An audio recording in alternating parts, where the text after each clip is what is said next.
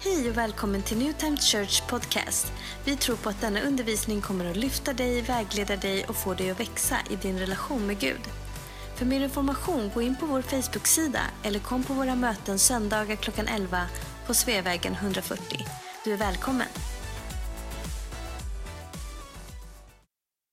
Rättfärdighet genom Kristus. Romarbrevet 5, 6-10. Vi läser. För när tiden var inne, medan vi ännu var maktlösa, dog Kristus i det ogud, ogud, säga, ogudaktiges ställe. Knappast vill någon dö ens för en rättfärdig. Jo, kanske vågar någon dö för den som är god. Men Gud bevisar sin kärlek till oss genom Kristus, genom att Kristus dog för oss medan vi var ännu syndare.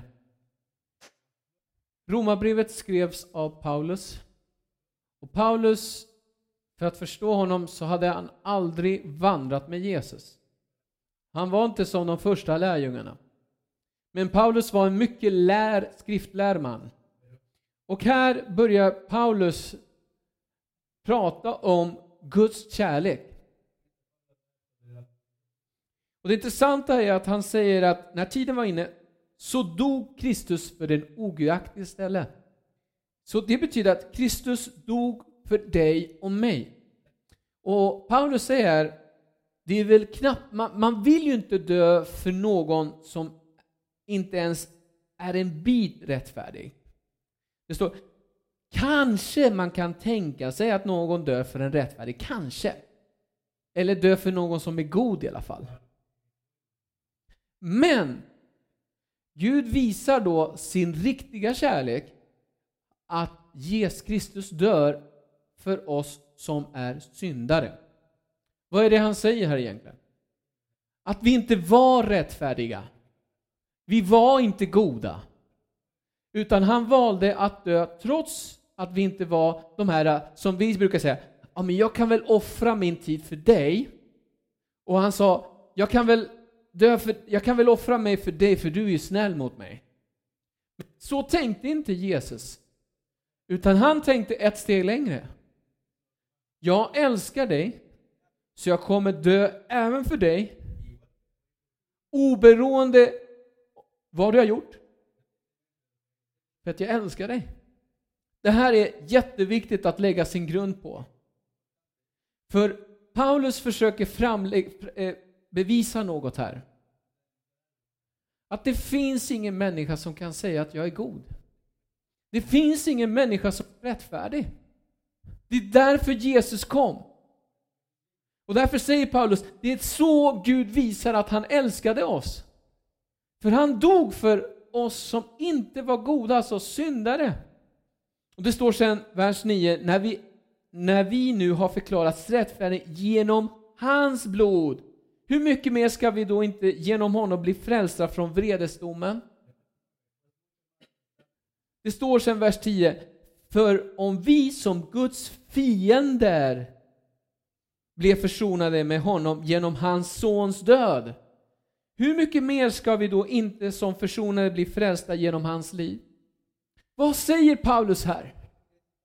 Han står och säger att vi är endast rättfärdiga genom hans blod. Och det är tack vare det som vi kommer undan vredesdomen. Det är då vi kommer undan det här att du är dömd för du är skyldig. Det står att vi var Guds fiender. Va? Men jag har inte varit, jag, jag, har, jag har inga problem med Gud. Jo, men det är det vi måste förstå.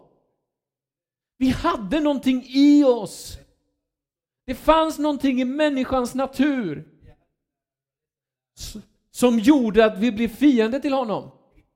Och det är bara genom Jesus, Jesus död på korset, som att vi gör att bli försonade med honom.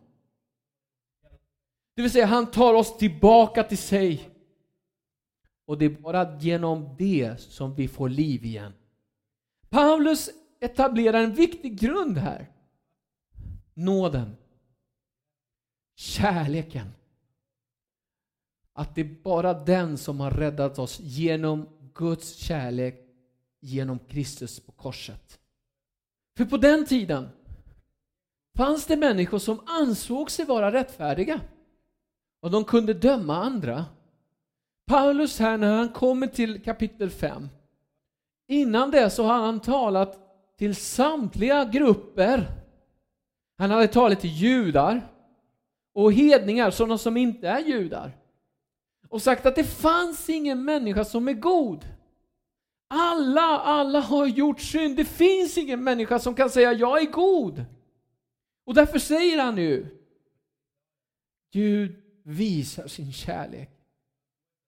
Och hur gjorde han det? Jo, för att han gav sin son som dog för oss som var onda och inte rättfärdiga. Och han sluter allt och säger syndare. Vad är synd egentligen? Han fortsätter Romarbrevet 5.12. Därför är det så. Genom en enda människa kom synden in i världen och genom synden döden. På så sätt nådde döden alla människor eftersom alla hade syndat. Synden kom genom våra kära förfäders förfäders förfäders la la la la la Adam och Eva. Och när det hände så fördes det vidare till alla människor. Och vad hände när synden kom? Döden kom. Vad då döden? De dog ju inte. Eller hur? De levde vidare. Vad var det som dog? Gemenskapet med Gud som man hade. För när Adam vandrade på Edens lustgård så vandrade Gud där också. Och man kunde prata som precis som du och jag. Hej, hur mår du? Det fanns en öppenhet, en naturlig gemenskap. Men den bröts. Inuti människan som kom någonting som kallas för döden. Det som gjorde att vi kunde ha en gemenskap och vara nära Gud, det bröts. Förvisso kom ju döden också. För att till slut så dog de också. Så båda döden kom. Död, att jag inte längre har den här gemenskapen med Gud. Jag, jag kunde inte längre. Och den andra döden, att jag kunde inte ha ett evigt liv. Och det här har följt ända tills idag. Det står i Bibeln att Jesus är den sista Adam. Och så som synden kom genom Adam, så kom livet genom Jesus. För Jesus var den sista Adam som besegrade det som ingen av oss har kunnat genom alla tider. Så vad betyder detta? Precis som texterna innan. Det finns ingen som är rättfärdig. Inte av sig själv i alla fall. Vi läste ju att det var bara genom Jesus vi blev renade. Det var bara genom Jesus som vi blev rättfärdiga. Och det var bara genom Jesus som blivit vi skonade från att bli dömda. Allt var Jesus. Och det är jätteviktigt. Och grunden, varför? För att vi var onda och inte rättfärdiga. Romarbrevet 6, 1-5. Syndens makt bryts. Paulus ställer en fråga. Vad, vad gäller nu då? Vad ska vi nu säga? Kan jag vara kvar i synden? För då kan ju nåden växa, den blir större då. Om Gud är kärlek, varför ska jag, då kan jag göra precis som jag vill. För att hans kärlek är ju stor. Paulus säger, vers, 12, vers 2, det vill vers 1 till 2. Vad ska vi då säga? Ska vi bli kvar i synden så att nåden blir större? Verkligen inte. Vi som har dött bort från synden, hur ska vi kunna fortsätta leva i den? Eller vet ni inte att alla vi som är döpta till Kristus Jesus är döpta till hans död? Vi är begravda med honom genom dopet i döden för att leva det nya livet, liksom Kristus är uppväckt från de döda genom Faderns härlighet. För om vi är förenade med honom i hans död som hans, så ska vi, ska vi också vara det i hans uppståndelse som hans. Det här låter ibland väldigt poetiskt. Men det Paulus säger här är att det funkar inte så. Vi kan inte fortsätta precis leva som, som vi gjorde innan vi lärde känna Jesus. Vi kan inte fortsätta leva i en synd, ett, syndens väg. Det går inte så, det är inte så det funkar. För han säger att, förstår du inte att vi är precis som Jesus? Att vi blev döpta i Jesus till hans död. Vad var det han dog på korset för? För mina synder. Och han säger att man, är, man dör till synd. Det är ett, ett, ett figurativt ord. Det vill säga vända ryggen till det. Man fortsätter inte den vägen. Det vill säga, du, vad brukar man säga i den här äldre generationen, långt, långt, långt bak? Du är inte min son längre. För mig är det som en död son. Du finns inte. Samma analogi använder Paulus när han säger att synden, vi är död för den.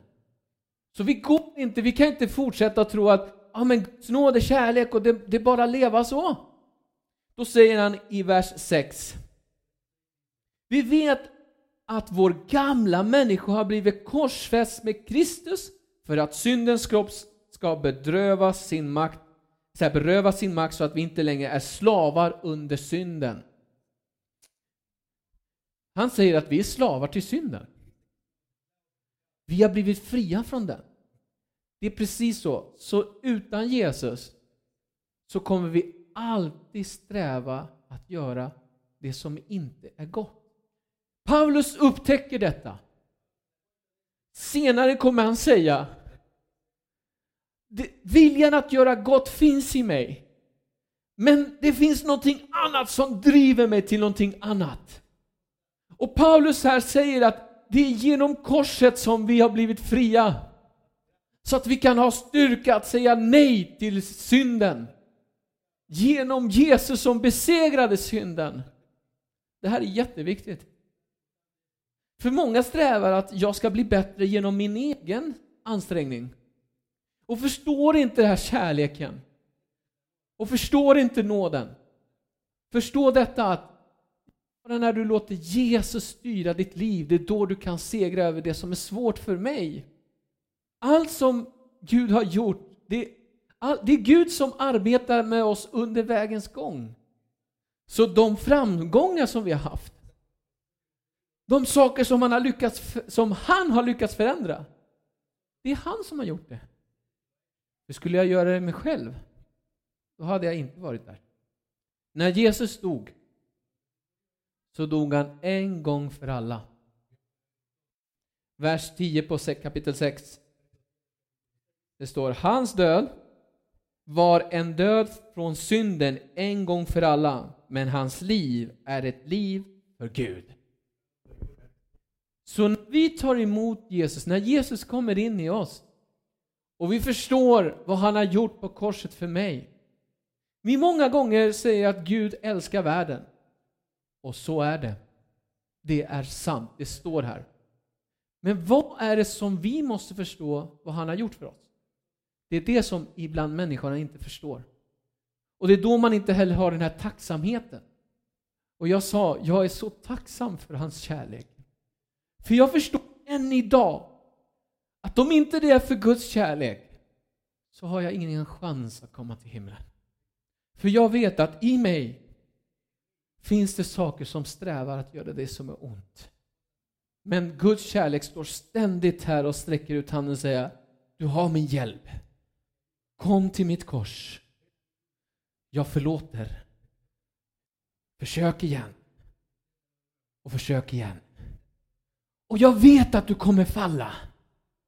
Jag vet att du någon gång kommer göra fel igen. Eller många gånger. Men försök igen. För genom mig så kommer du segra. För jag segrade. Det är det som är segern. Han segrade det som inte vi kunde. Och genom honom kan vi segra. Det är det som är den underbara kärleken.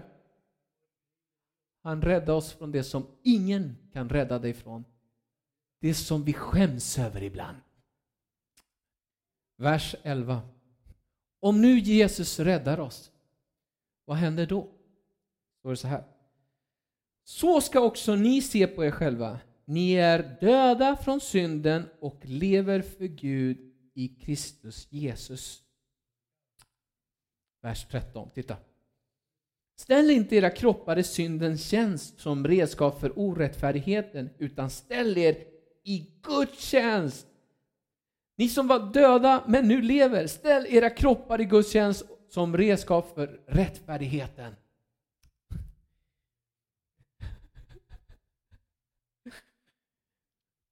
Vad är det han säger här egentligen? Innan vi lärde känna Jesus så kunde vi inte hindra att göra det som är dåligt. Vi, var, vi gjorde det! Vår kropp var redskap för synden. Jag kunde inte sluta göra det jag vet att det inte var bra. Då säger han, så ska det inte vara nu. Utan ni är ju döda nu för synden. Ge allt ni är i Guds händer. Och låt han styra ditt liv. Så att nu är du en redskap i den rättfärdiges händer. Titta vers 15. Hur är det då? Ska vi synda eftersom vi inte står under lagen utan under nåden? Verkligen inte. Vad är det Paulus säger här? Jo, men Guds nåd har förlåtit mig. Ha! Det finns inga regler för mig. Lagen är borta. Ha! Jag är fri. Det är så vi tänker, eller hur? När Jesus räddar oss så räddar han oss för att vi ska nu följa hans lagar. Han räddar oss inte för att vi ska göra vad vi vill och bara leva fritt och liksom, ja, jag får välja. Vi följer honom nu. Han sa, följ mina fotspår. Följ mig, gör som jag. Och alla vet ju att det är svårt. Omöjligt nästan. Omöjligt. Men när du låter honom styra dig så kan du säga Jag blev inte arg när de kom på mig och de gick på mig. Jag kunde vara lugn. Jag kunde förlåta den mannen som var orättvis mot mig. Hur kunde, hur kunde jag göra det? Hur lyckas jag med det? Jag som hade så svårt att inte råka sträcka ut handen lite och råka ta extra grejer där i vägen.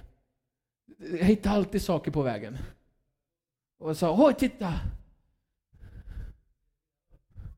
Och plötsligt så går du förbi och du inte ens märkte att det fanns någonting att ta. Vad hände? Guds kraft står och verkar i ditt liv. Det som Jesus sa, död till synden, den arbetar i dig. Vers 18. Det står så här. Nu är ni slavar under rättfärdigheten sedan ni har befriats från synden. Oj. Förstod man vad jag precis läste? Förut var jag en slav till synden. Jag fick göra precis som det jag inte vill göra. Men nu är jag slav till Gud. Jag fortsätter vara slav. Det låter dåligt, eller hur? Vi älskar friheten, eller hur? Gud är frihet men frihet med lagar som styr för en god, en välsignad, en framgångsrik liv. God? Jag beskrev det en gång. Israels folk i Egypten. De sa till när de fick äta. Nej, de, fick, de sa till när de fick äta. De sa till när de fick vila. De sa till när de fick, eh, skulle jobba. Hur mycket skulle jobba? När de skulle sova, när de inte skulle sova. Regler, regler, regler, regler. Och så kommer Gud och gör dem fria. Precis som vi. Vi är slavar till synden. Vi gör hela tiden vad synden säger oss. Och sen kommer vi ut i friheten.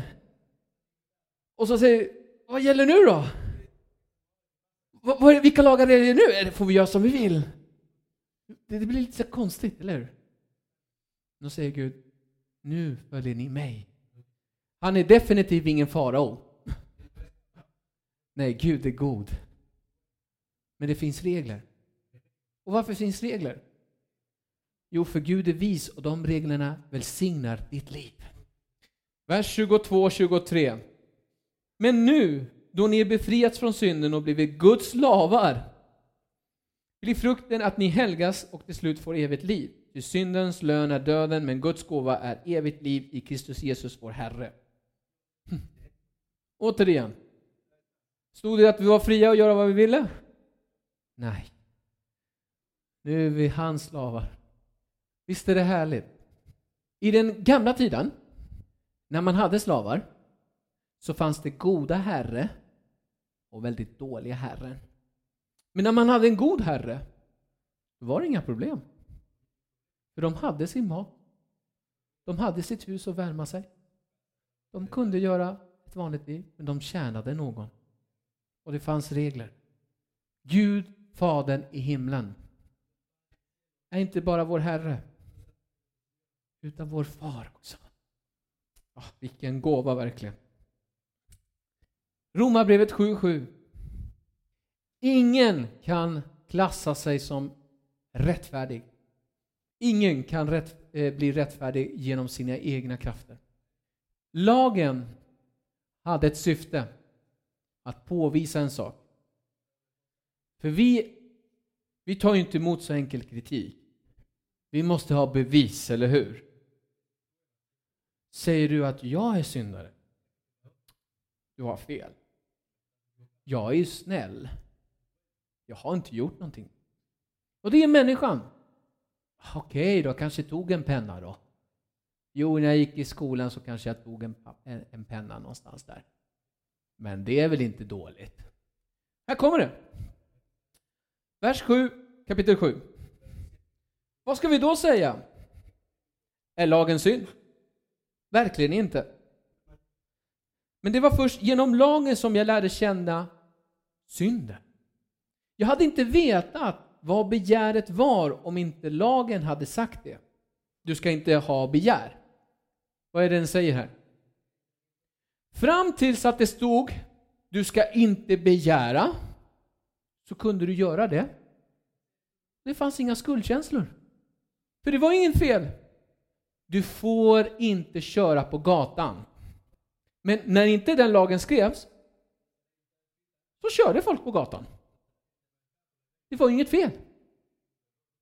Så lagen som skrevs av Gud, och det, som jag sa förut, det var bara tio lagar. Vi se om vi kunde klara tio. Vi klarar inte ens tio. De var till för att vi skulle inse vad vi själva har i oss. Det är det Paulus säger här. Jag förstår nu att jag är en syndare. För genom lagen så ser jag vad som finns i mig. Det finns någonting i mig som inte är rätt då. Därför säger fram tills det stod så, så kunde alla begära utan problem. Men när den kom så förstod jag att begära något, att lusta efter något, är fel. Och här kommer det som vi alla har problem med här. Vers 15. Jag kan inte fatta att jag gör som jag gör. Det jag vill, det gör jag inte. Men det jag hatar, det gör jag. Och om jag nu gör inte vill, då erkänner jag att lagen är god. Vad är det han säger här? Han står och säger precis det som vi ständigt men jag skulle inte bli arg, jag skulle behärska mig. Jag skulle inte ha sagt sådär. Men ändå så gjorde jag det. Välkommen till denna värld. Du och jag är människor. Det finns i oss. Vi behöver någon som räddar oss från det. Och vers 17 säger Men då det inte är längre jag som gör det utan synden som bor i mig. Va? Jo, den bor där, här inne. Det finns i våra lemmar inom oss.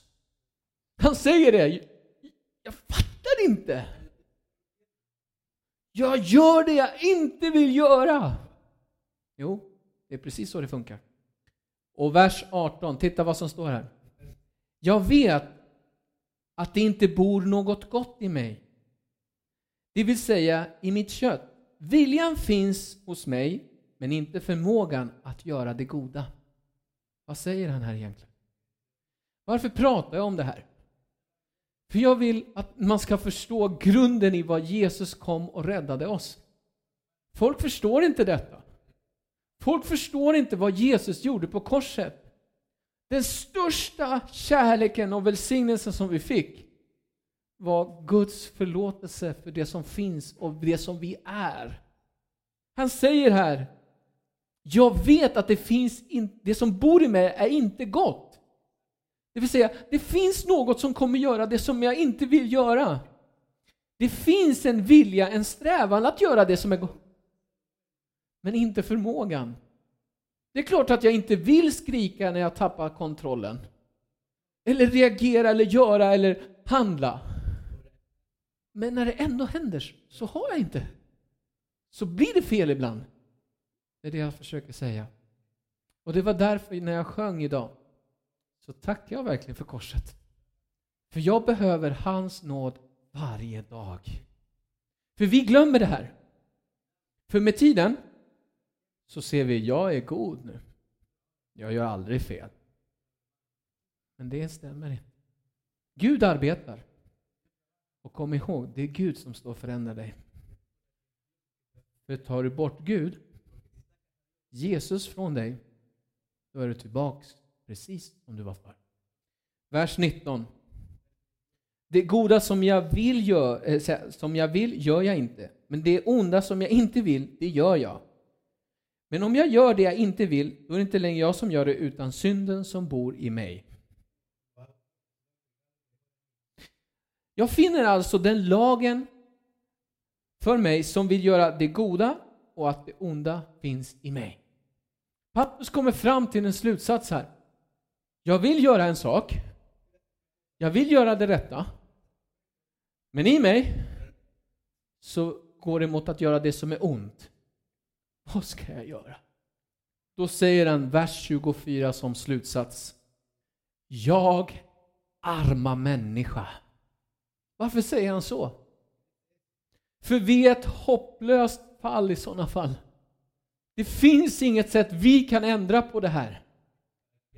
Och då säger jag, vem ska rädda mig från denna dödens kropp? Vem kan göra så att jag kan förändra det som finns där, saker som jag inte vill tänka på, saker som jag inte vill göra. Hur ska det ske? Och jag säger det ännu idag, så länge som vi lever i den här kroppen så kommer den här striden fortsätta. Det spelar ingen roll hur långt. Men det finns en sanning. Ju mer av den helige Anden, ju mer av Jesus som har ditt liv, mer så gör du det som är rätt. Då säger han vers 25. Gud var det tack genom Jesus Kristus vår Herre. Vad är det han säger? Han brister ut och säger tack Jesus för att du kom och räddade mig. För jag är bedrövlig när jag ser i mig själv. Det finns inget hopp i mig. Men tack vare för att du tänkte på mig. Därför början på kapitel 8.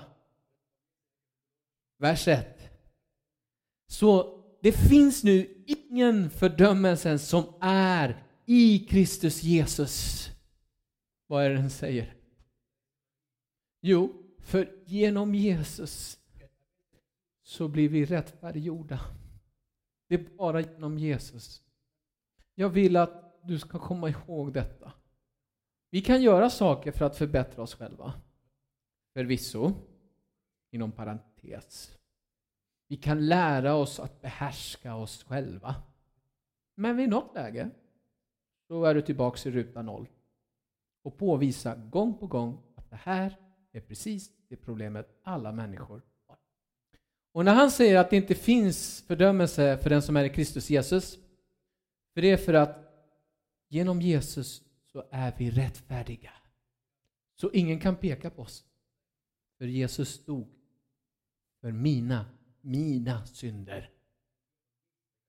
Låten som vi sa, Man of Sorrows, han sa vi korsfäste Jesus. Han, jag korsfäste honom för mina synder. Det var mina synder han bar. Ja, han bar alla människors synd. Ja, det gjorde han. Men han bar mina. För jag hade också gjort.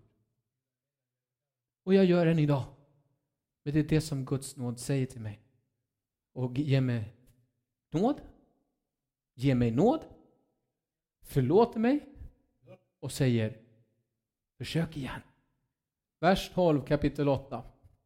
Vers 12. Vi har alltså skyldigheter bröder, inte mot vårt kötsliga natur så att vi ska leva efter köttet. Nej. Om ni lever efter köttet kommer ni dö, men om ni genom anden dödar kroppens gärningar kommer ni att leva. Och här är hemligheten. Hur kan jag besegra det som finns här i mig? Ett svar. Fyll dig av den helige Ande. Petrus, innan den helige Anden, Kom så ska jag skära dig! Med den helige anden. han blev inte arg. Han kunde bli straffad och han var glad och lugn.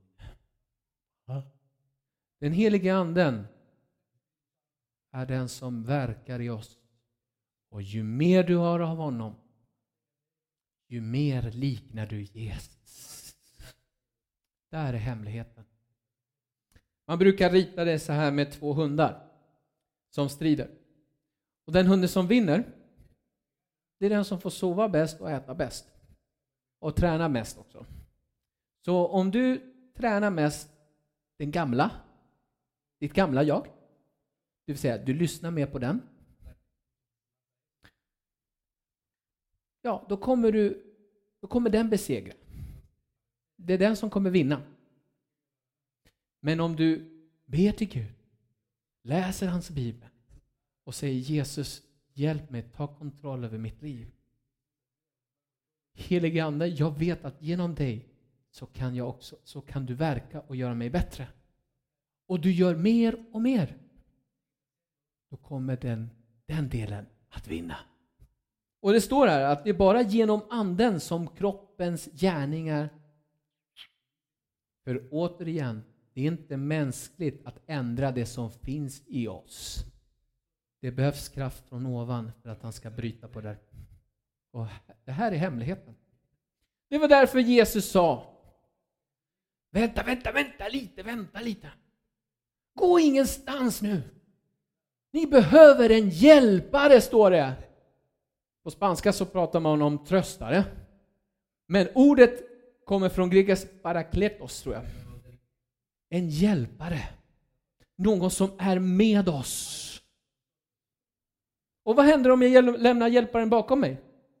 Då halkar jag, så, kommer jag ju gå halv, halvdant. Jag behöver min hjälpare!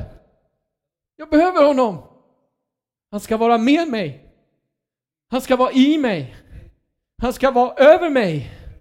Hela alltet ska jag vara helt med honom. Han sa ju till sina lärjungar, jag har varit med er så jag har vandrat och hjälpt er hela tiden. Men nu måste jag gå. Och det är bra så. För då kan jag vara med alla samtidigt. Och då kommer jag vara i er. Så då kommer ni komma ständigt ihåg mig. Och jag ska sända den helige anden, tröstaren, säger han. Medhjälparen som ska hjälpa er och visa er varje dag hur ni ska göra. Och jag lägger tyngden på det här. Vad skulle du lägga din kraft på? Din kraft ska du lägga på att fylla dig av honom. Han sköter resten. För det är jättefrustrerande att ständigt säga nu ska jag inte göra så här. Och sen ett par timmar senare så gör du det ändå. Ja, då har du inte förstått. Det är inte du som kan ändra det där. Utan det handlar om att överlämna sig i den mäktiga händelse som kan förvandla saker. Annars hade det inte behövt någon Jesus. Om vi själva kan göra det. Det är det här som är centrum i Guds kärlek. Det här är allt handlar om kärnan i Guds kärlek. Så han, dö, han dog på korset. Så han fixade synden. Och dessutom ger han oss den heliga anden så att vi ska kunna vandra med segern idag. Och det är det här som är nåden för mig. Jag vet att det har varit lite längre idag. Men det här för mig är A och O att du förstår. Så att man inte blandar saker och ting. och förstår att Gud dog för en synden, din och min. Jag kan inte göra en fin historia av någonting som inte... Det är en fin historia, förlåt. Det är en fin historia. För att han dog för dig och mig. Men sanningen om oss, att vi är syndare, det är sant. Vi kan inte måla någonting annat. Det är det som jag försöker förklara. Det är det som Gud kom och gav sin son för dig och mig. Låt oss be. Jesus, vi behöver dig verkligen. Vi behöver av den helige Anden. Utan dig Jesus så kommer vi göra det som vi inte vill göra. Utan dig så har vi inget hopp. Det blir som Paulus sa, arma mig människa. Vi inser bara att det finns ingenting bra. Viljan finns att göra det rätta, men inte förmågan. Och jag vill idag Jesus att din helige Ande ska fylla mitt liv. Och jag vill inte vara som förr. Jag vill inte vandra som mitt gamla jag. Utan jag vill vandra under, som slav till dig Gud. Och göra rättfärdighetens lagar. Tack för att du har vunnit för mig. Du tog bort synden från mitt liv. Och du dödade den. Och genom ditt kors så är jag rättfärdig. Bara genom ditt kors Jesus. Bara genom dig. För ingen människa kan vara rättfärdig i sig själv. Tack Jesus för att du älskar dig verkligen. Jesus, jag ber att du ska beröra var och ens hjärta idag. Alla som är här, alla som lyssnar idag. Jag ber dig att du ska öppna deras ögon så att de ska se den stora kärleken som finns på korset. Jag behöver dig Jesus. Jag behöver dig verkligen. Utan dig är jag förlorad. Hjälp mig varje dag att inte leva efter köttets begär utan leva i det nya livet som är dig Jesus i Andens liv. Jesus arbeta med det som finns i mig. Du vet vad som finns i mig. Du vet vad som finns i var och ens hjärta. Och du vet vad du behöver ändra. Jag ska söka dig och överlämna dig arbetet att förvandla det jag inte kan. Tack Jesus. I Jesu namn. Tack för att du har lyssnat. Om du vill veta mer om vår kyrka eller våra möten besök gärna vår Facebook-sida eller skriv till oss på hej